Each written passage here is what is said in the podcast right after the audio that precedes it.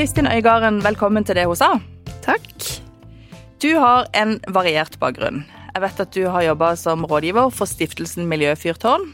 Du har jobba med PR og rådgivning i kommunikasjonshuset Fundament. Du har vært daglig leder i Ordkraft.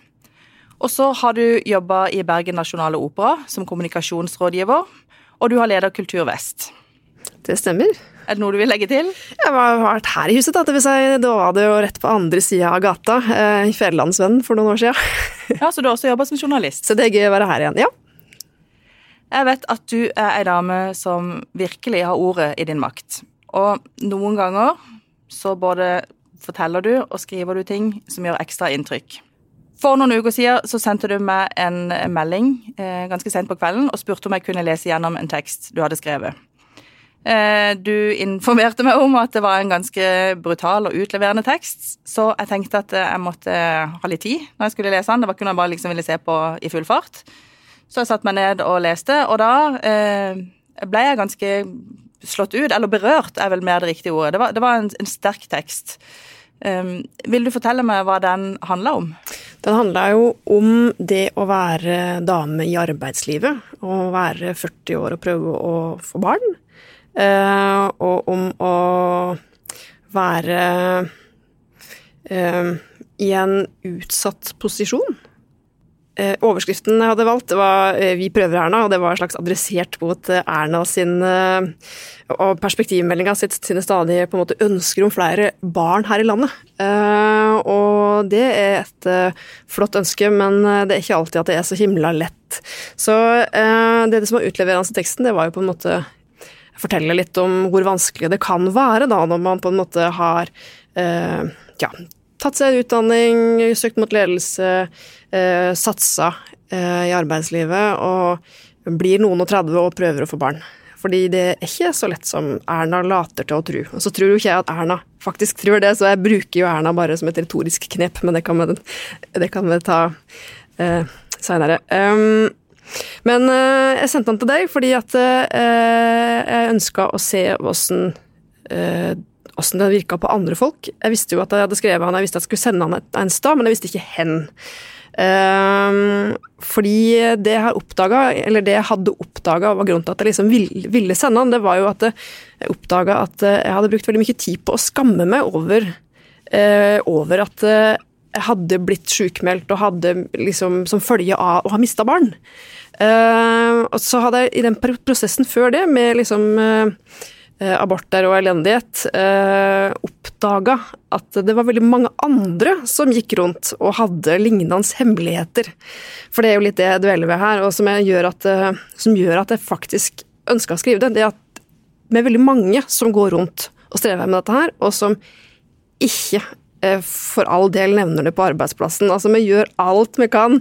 Vi strekker oss så langt med greier eh, for å unngå å, eh, at dette her skal påvirke livet. At noen skal legge merke til det. Um, ja. For du har en kjæreste eh, som Ektemann? Du, du har en ektemann som du ønsker deg barn sammen med. Og dere har egentlig lagt opp livet litt nå uh, for at det skal komme, det komme, et barn, ikke sant? Og det har påvirka eh, arbeidssituasjonen deres eller valget av, jobb uh, og bosted. og denne teksten er sånn kort fortalt en fortelling om hvordan dere, har, hvordan dere strever for å få det til, og litt om hvordan du føler det påvirker jobb og arbeidsliv.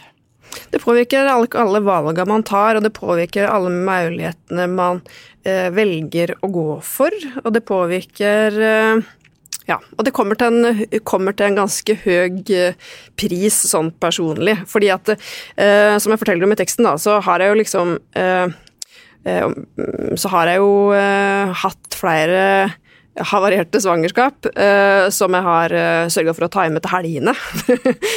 hvis, kommer, ja, altså, det fungerer sånn at hvis du, hvis du får uh, beskjed om at dette svangerskapet går ikke noe lenger, så får du en konvolutt av gynekologen som du må ta med deg hjem, og så må du ordne opp sjøl.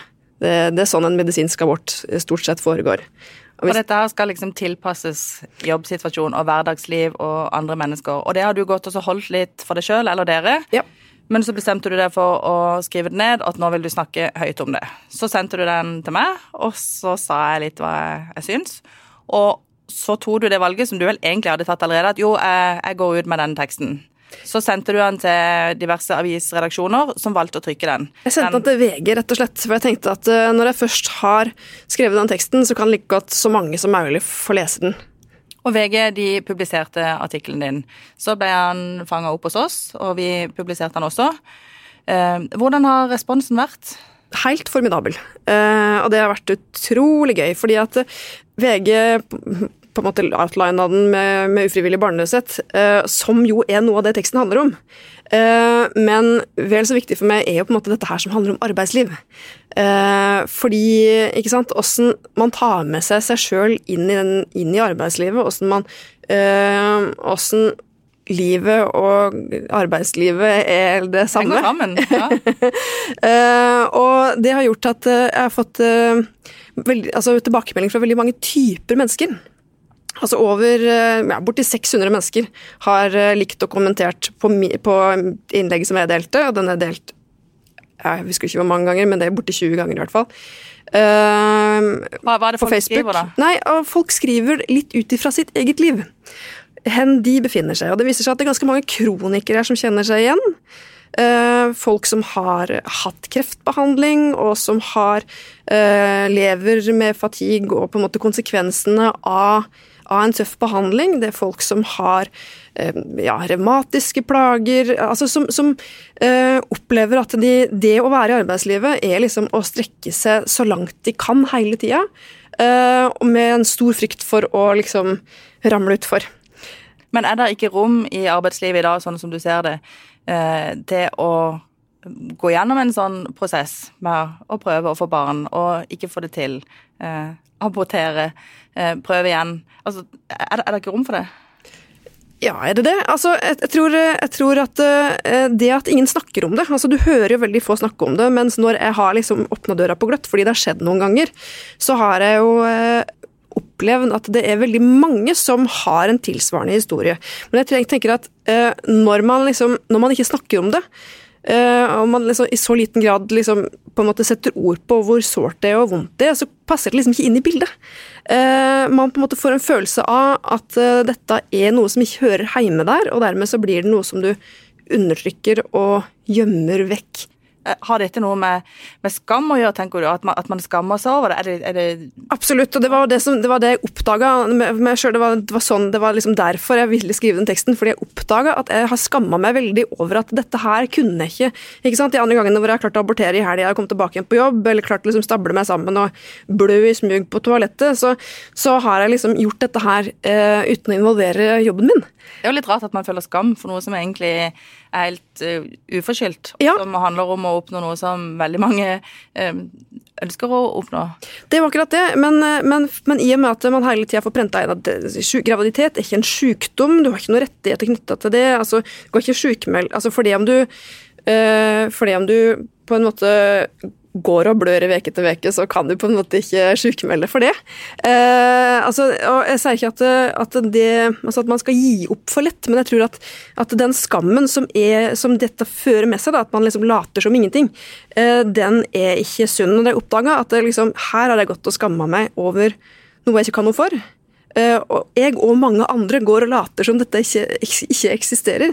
Så tenkte jeg at søren heller, det, det, er vanskelig nok som det er, om ikke vi skal liksom faktisk gå løs på oss sjøl.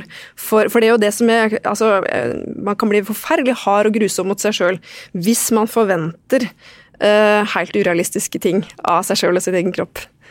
Men du har fått veldig mye støtte og eh, takkmeldinger fra folk som er glad for at du har satt ord på dette. Er det også noen representanter for arbeidsgiversida som har kommentert det, eller som har tatt kontakt med deg? Altså, der, ja, ikke sant. Jeg har jo eh, fått, eh, har jo fått meldinger, hyggelige meldinger fra oss, også fra eh, kolleger og eh, Ja, nei, det har jeg vel i grunnen Har jeg det? Jeg er litt usikker. For det jeg lurer på, egentlig, hva, hva skal til for at det blir lettere å eh, både ha en jobb og være åpen på jobb, eh, selv om man går gjennom noe som dette? Det er et eh, forferdelig godt spørsmål, og jeg veit ikke helt svaret. Men jeg, tror, men jeg tror eh, noe av svaret det er å senke Altså erkjenne at, eh, at, folk er bare folk. Vi gjør så godt vi kan alle sammen, og de aller fleste opplever ting i livet sitt som gjør at man kan ha behov for fleksibilitet i perioder. Fordi i bunn og grunn så er det jo så, altså, Så en, en, en, eh, løsning eller et tiltak er fleksibilitet?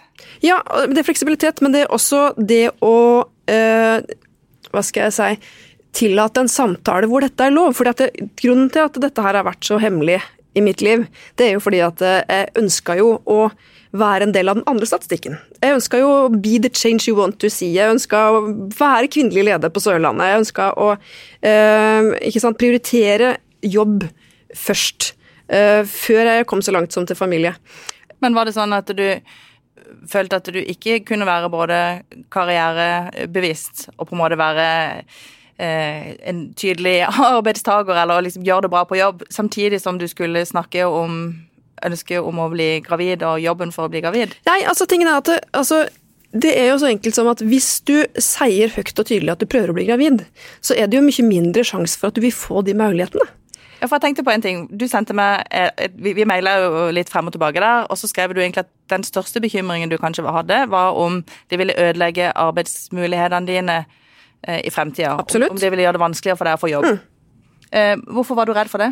Fordi eh, Og det er jo liksom litt eh, Ja, nei, fordi det betyr jo at den personen som satser på meg, kan risikere å få en person som plutselig må til Porsgrunn for å sette inn et egg, eller plutselig, eller plutselig havne på sykehus med en sprukken et eller annet eller risikerer, i, best, i, beste fall risikerer en lang permisjon. Altså, det er, jo, det er, jo, på en måte den risikoen som blir hefta med meg ved at jeg sier dette høyt.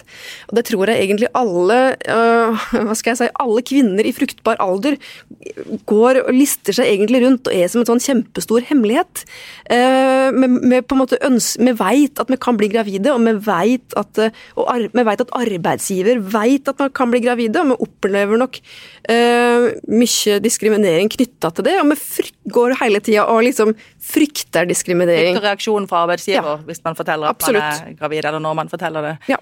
Eh, I forbindelse med arbeidet med denne podkasten har vi fått henvendelser fra unge eh, damer som spør om vi kan diskutere det. Som mm. sier at de har fått spørsmålet under jobbintervju ja. om de er gravide, eller om de planlegger å bli det, bli det eller om de har barn.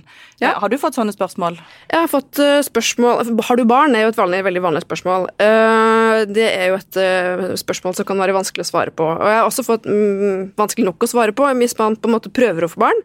Jeg har også fått, spørsmål, ja, jeg har fått et spørsmål om jeg har barn samtidig som jeg har prøvd å bli gravid og fått beskjed om at nei, men så bra.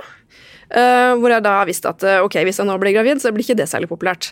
Uh, jeg har også i slutten av et jobbintervju hvor jeg, hvor jeg liksom var gravid, blitt på en måte granska opp og ned og litt sånn Ja, er det noe mer du tenker at du trenger å fortelle oss om helsetilstanden din, f.eks.? Uh, så jeg tror det skjer hele tida. det er liksom lagt opp ja, og jeg forstår det jo. Altså, det, er jo det er jo på en måte fra arbeidsgivers perspektiv ugunstig.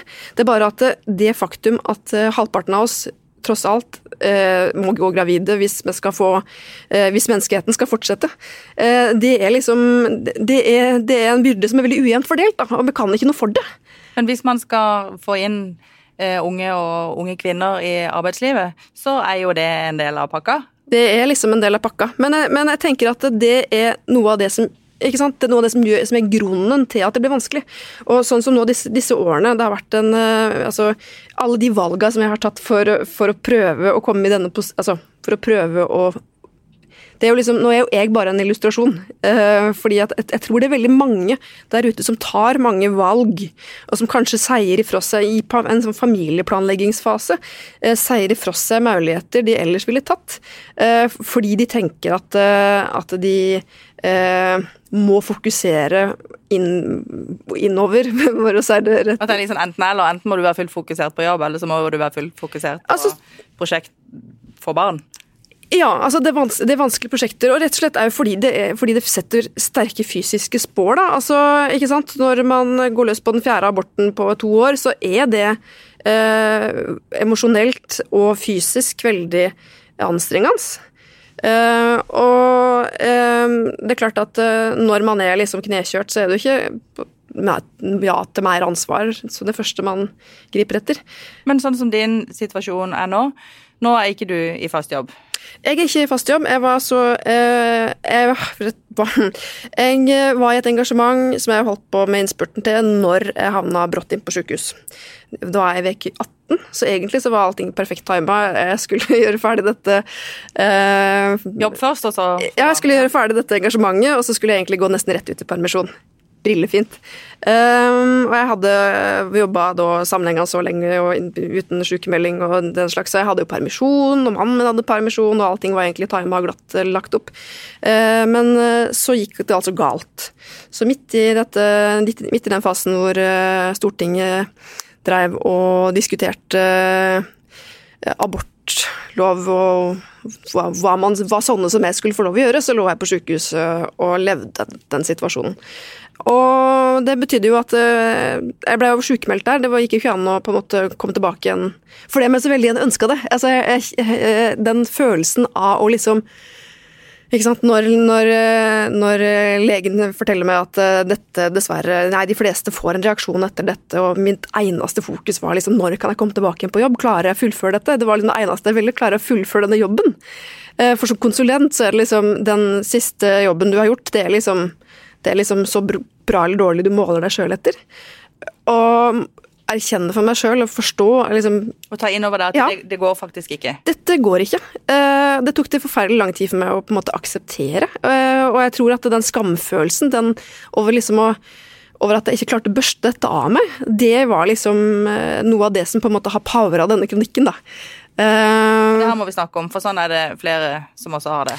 Ja, absolutt. Eh, Og, men, men ja, nei, altså eh, Da var jeg jo på en måte sykemeldt, da, og når engasjementet mitt gikk ut, så var jeg sykemeldt og arbeidsledig. Så nå er jeg jo i den posisjonen at snart går liksom mine sykepenger ut. Så da blir det å komme tilbake igjen i arbeidslivet Altså, det betyr at jeg må ha en full jobb, helst litt brent kvikt. Eh, fordi eh, ja, og det kjennes jo litt som å eh, hoppe på en karusell i fart.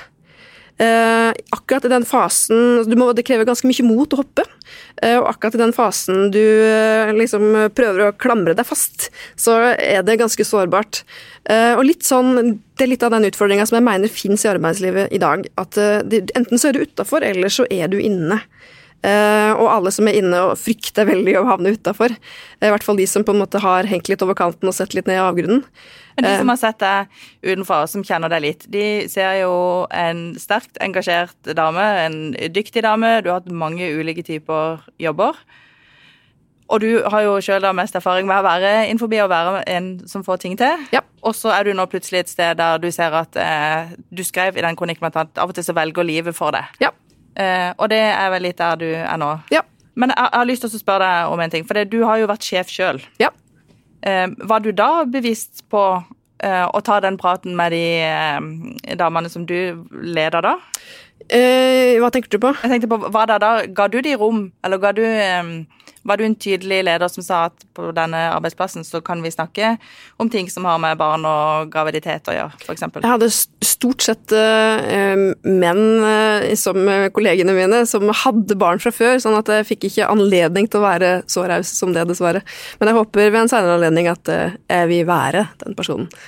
Ja, for du, dette er jo også erfaring som gjør deg til et, jeg vil tro et, et, klokere, et klokere menneske, og sannsynligvis en, en, en bedre leder også, på, på et tidspunkt. Mm. Ja, man kan i hvert fall håpe det.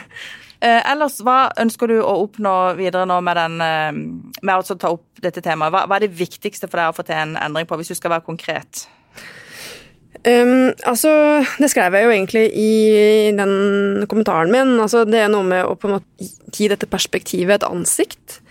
Uh, for jeg tror at dette her uh, jeg, jeg tror det er ganske mange der ute som går og skammer seg over dette, og som går og strever med dette. Uh, og gi de muligheten til å kjenne seg litt mindre aleine. Men òg på en måte heve det perspektivet blant ledere og blant Altså, ja, at livet ikke går an å planlegge i så stor grad som man kanskje skulle ønske. Du spurte meg forresten om, eh, om eh, hva slags konkrete endringer jeg kunne ønske meg. Nei, altså jeg kunne ønske meg at flere arbeidsplasser gjør det mulig eh, for eh, folk med en subop suboptimal CV å komme seg inn. Eh, fordi eh, Eller folk med Altså at man tør å satse på damer enda man eh, kan havne i en permisjon. Eh, eller at man tør å satse på folk eh, hva skal, jeg si At man ser folk for et lengre forløp enn bare for de neste tolv månedene. Det er kanskje det jeg ønsker meg. Eh, Erna Solberg har jo sagt at ja, Norge trenger eh, flere barn. Ja. Um, samtidig så vet vi at vi vil ha flere kvinner aktive i arbeidslivet. og Spesielt på Sørlandet har jo det vært en, en utfordring. Uh, og Det betyr at flere må ta utdanning, flere må ta lengre utdanning. Og det tar jo ofte lengre tid, da, eller kvinner er eldre før de for barn, da. Ja. Um, hva tenker du om, om, det perspektivet? Nei, det er, jo, det er, jo, liksom det som er utfordringen. Altså, skal man ha Det er to ting som ikke er så lett å kombinere? Det er jo rett og slett det. sånn at det må jo også bli lettere for uh, studenter å få barn. Altså Hvis man virkelig ønsker seg flere barn, så må man gjøre det lettere for studentene, som er i sin mest reproduktive alder, og uh, og faktisk eh, altså, gjøre det enda lettere for de å komme seg videre. Altså enda lettere for de å eh, få barn og fortsette med livet. Um, for sånn som det er i dag, så er jo alle sosiale rettigheter knytta til arbeidslivet. Eh, hvilket betyr at eh, for det om du får, eh, kan få studielån som permisjon og sånn når du får barn, eh, så, som i og for seg er en veldig veldig flott ordning, så er det jo slik at eh, når de ungene blir syke, eller eh, noe skjer med de ungene som, som gjør at du trenger et trygdesystem, så eksisterer ikke det når du er student. Og det har vi jo sett i koronatida her, at, eh, at studentene har havna veldig uheldig ut fordi de ikke anses som en ordinær del av arbeidslivet. Men du, Hva skal til for å dra denne debatten opp på et nivå der det faktisk kan skje noe? Du snakker om det i podkasten, du sender en kronikk, du får mye respons. Eh, men hva bør være det neste steget, hvis du på en måte skal utfordre de som sitter litt med, med makta her? Det er, sam, det er, jo et sammensatt problem. Jeg tror vi må ha en, eh, altså det er fordi det er mange, Jeg sparker opp mange baller samtidig.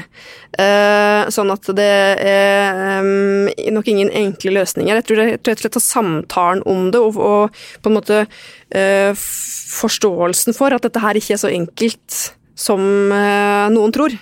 at det kan være et steg i riktig retning i seg sjøl. Så er det jo sånn, Kristin, at det er jo din kropp som må ta belastninga her. Og, mm. og, det er jo en ting liksom den psykiske tingen, det er jo masse følelser her, men det er jo også en ganske sånn heftig kroppslig ting. Ja, altså jeg ville ikke valgt å bli kvinne hvis jeg, hadde, hvis jeg kunne velge, liksom. Hvis jeg var en Jeg vet ikke om du har sett den nydelige amerikanske filmen om disse sjelene som eh, Hva heter den for noe? Um, det kommer jeg tilbake til. Eh, men hvis jeg hadde valgt som vært en sånn sjel og skulle valgt noe, så hadde jeg ikke valgt å bli kvinne. Hadde du flytta inn i en, en mannekropp? Jeg hadde flytta inn i en mannekropp. Eh, ingen tvil om. Jeg eh, kan ikke se noen fordeler med å være dame, skal jeg være ærlig. Men du, da har jeg lyst til å spørre litt om, om det som handler om, om kjønn. For du gjør jo ikke dette alene. Du gjør det sammen med mannen din, Mats. Mm. Og du hadde selvfølgelig diskutert med han før du Publiserte dette, absolutt. Det. Mm. Eh, hva slags eh, reaksjoner har han fått? Jeg tror han har fått uh, ikke like mange reaksjoner, men han har fått veldig sånn empatiske og vennlige reaksjoner fra omgivelsene. Jeg har fikk, en, av mine, en, av de tilbakemeldingene jeg fikk, var fra en bekjent som, som poengterte at menn blir lite sett i denne situasjonen. Uh, og, og ja, han opplever jo òg skuffelser og, og, frustrasjon, og han ønsker jo også dette. Ja, og det for, altså Det å være pårørende er en ganske forferdelig situasjon, for du kan ikke gjøre noe. Altså, du kan ikke Du er liksom eh, helt og fullt til stede, og du kan ikke gjøre noe. Jeg tror, jeg tror at helsevesenet har en vei å gå der òg, på å se hele se hele familien. Eh, men eh, de folka vi har møtt, har vært, eh, hatt det perspektivet. Jeg tror han har møtt gode folk i helsevesenet i denne sammenhengen. Det har han. Når, når vi meldte det, så spurte jeg deg litt om hva han, hva han tenkte. Og så syns jeg at han kom med egentlig et veldig sånn klokt råd til deg. Mm. Kan, kan ikke du si det han sa, for jeg syns det var så fint. Ja, eh, ja altså, eh, for det, det Hva skal jeg si? Altså, jeg hadde jo lagd den her teksten, og så lurte jeg på hva jeg skulle gjøre med den. Jeg, skulle, jeg hadde jo også på, på blokka om jeg skulle sende den inn anonymt noen, altså under pseudonym, eller hva det skulle være. Altså skjule identiteten min. Eh, fordi jeg var jo kjemperedd for hva slags dører dette her stenger for meg, og det er jeg jo fremdeles redd for, bare så det er sagt. Eh, men så eh, sa han til meg at, eh, at dette nok stengte noen dører for, de sted, for steder som likevel ikke hadde vært bra for meg å jobbe. Men eh, at de gode folka ville holde døra på gløtt. Uh, ja. Så jeg håper jo at han har rett i det, da. Du har lest en kronikk som du skrev, den sto vel på sida til Næringsforeningen, tror jeg. Ja. Hvor du skrev litt om Sørlandet. Ja. Uh, Du har bodd her i ganske mange år, da. Flytta hit til 2000, og så har jeg bodd fire år i Bergen i mellomtida. Eh, Det er jo noen gode kvaliteter med Sørlandet, og så er det jo noen sider ved Sørlandet som er mer sånn omdiskutert. Mm. Eh, og jeg tenker på dette med, med tabu, for Mm. eksempel. Opplever du at det er vanskeligere å snakke om en historie som din eh, på Sørlandet enn det det kanskje er andre steder? Det veit jeg faktisk ikke. Altså, akkurat dette med altså, Sørlandet er jo kanskje mer familieorientert enn eh, resten av landet. Kanskje, ja, Ikke at jeg har vært overalt, men eh, jeg har, fordommen min tilsier det, at Sørlandet er mer barn- og familieorientert. Sånn sett så, så tenker jeg ikke at dette skulle være vanskeligere, men eh, Nei, jeg veit ikke helt. Jeg tror ikke akkurat det er vanskeligere, men det som er vanskelig, det er jo at eh, Sørlandet har en uvane med å ikke utlyse jobbene sine. Så for noen som sitter på utsida og ønsker seg en jobb, eh, så er det, så er det liksom noe med å vite at 60% av jobbene som finnes der ute, går til den som står nærmest i det behovet oppstår, eh, eller til noen du kjenner. Så, da, så her er nettverk utrolig, utrolig viktig. Du, vi eh, har en fast post i podkasten der gjestene får lov til å fremsnakke noen som har vært viktig for dem, noen som har betydd noe. Eh, har du noen personer som du har lyst til å nevne som har vært viktig for deg? Jeg har lyst til å nevne min farmor. Uh, og det er rett og slett at i den, altså i den fasen jeg har vært i, så har jeg skjønt at noe av det som har gjort det veldig vanskelig, har vært at jeg har vært utrolig, utrolig streng mot meg sjøl. Og sikkert utrolig, utrolig streng mot andre òg. Så en av de tinga som, eh, som jeg øver meg på, det er å se meg sjøl med farmors blikk. Eh, se meg sjøl for eh, som det beste, Se det beste i meg. Uh, og så prøver jeg også å vende det blikket utover mot andre mennesker. Øve meg på det. Eh, øve meg på å se og bli litt snillere mot andre folk. Og bli litt snillere mot meg sjøl. Jeg tror det er eh, ja, Hørtes ut som en klok farmor. veldig fin farmor. Veldig fin farmor med eh, eh, ikke noen karriereforbilde, eh, det må jeg vel si, men, og ei dame som hadde lav, altfor lav sjøltillit på egne vegne gjennom hele livet. Eh, jeg har arva masse fine kjoler av henne, og når jeg hadde de på meg, så sa hun sånn de passer til deg, da kan ikke jeg ha vært så feit som jeg trodde. uh, så hun hadde alltid Ja, men Vil du si navnet til faren? Kari heter hun. Veldig, eh, veldig uh, godt humør, uh, og et menneske som, som, ser, som så det beste i andre mennesker. Og det tenker jeg, det, det må vi øve oss litt på. Så det er egentlig det beste rådet jeg kan gi videre. Altså det er å være litt snillere mot deg sjøl. Og prøv å være like snill mot de du har rundt deg. Det syns jeg var en utrolig fin avslutning. Er det andre ting du har lyst til å, å legge til før vi, før vi runder av? Nei, altså eh, jeg kan, Jo, det er dette med at eh, arbeidslivet er, det er liksom en karusell. Det er vanskelig å hoppe på i fart for de som står utafor. Og jeg vil bare kanskje utfordre alle de eh, som hører på, og alle arbeidsgiverne på Sørlandet, til å, til å kanskje senke farta litt og ta sjansen på å strekke ut en neve til de som står på perrongen og ikke tør å hoppe på. Eh, fordi eh, noe som er mye viktigere for, eh, for perspektivmeldinga, og viktigere for, eh, for eh, framtida til Norge, det er jo at vi klarer å få flere av de menneskene som står på utsida, inn i jobb. Eh, Det er vel så viktig som å lage flere unger. Kristin Øygarden, tusen takk for at du ville komme og dele åpent om noe som for mange er vanskelig. Setter stor pris på det, så tusen takk for besøket. Takk. Du har lytta til Federlandsvennens podkast 'Det hun sa' med Birgitte Klekken. Har du tips til andre bra damer vi bør snakke med, eller har du lyst til å dele inspirerende erfaringer fra ditt arbeidsliv? Ta kontakt på dethosa.fun.no.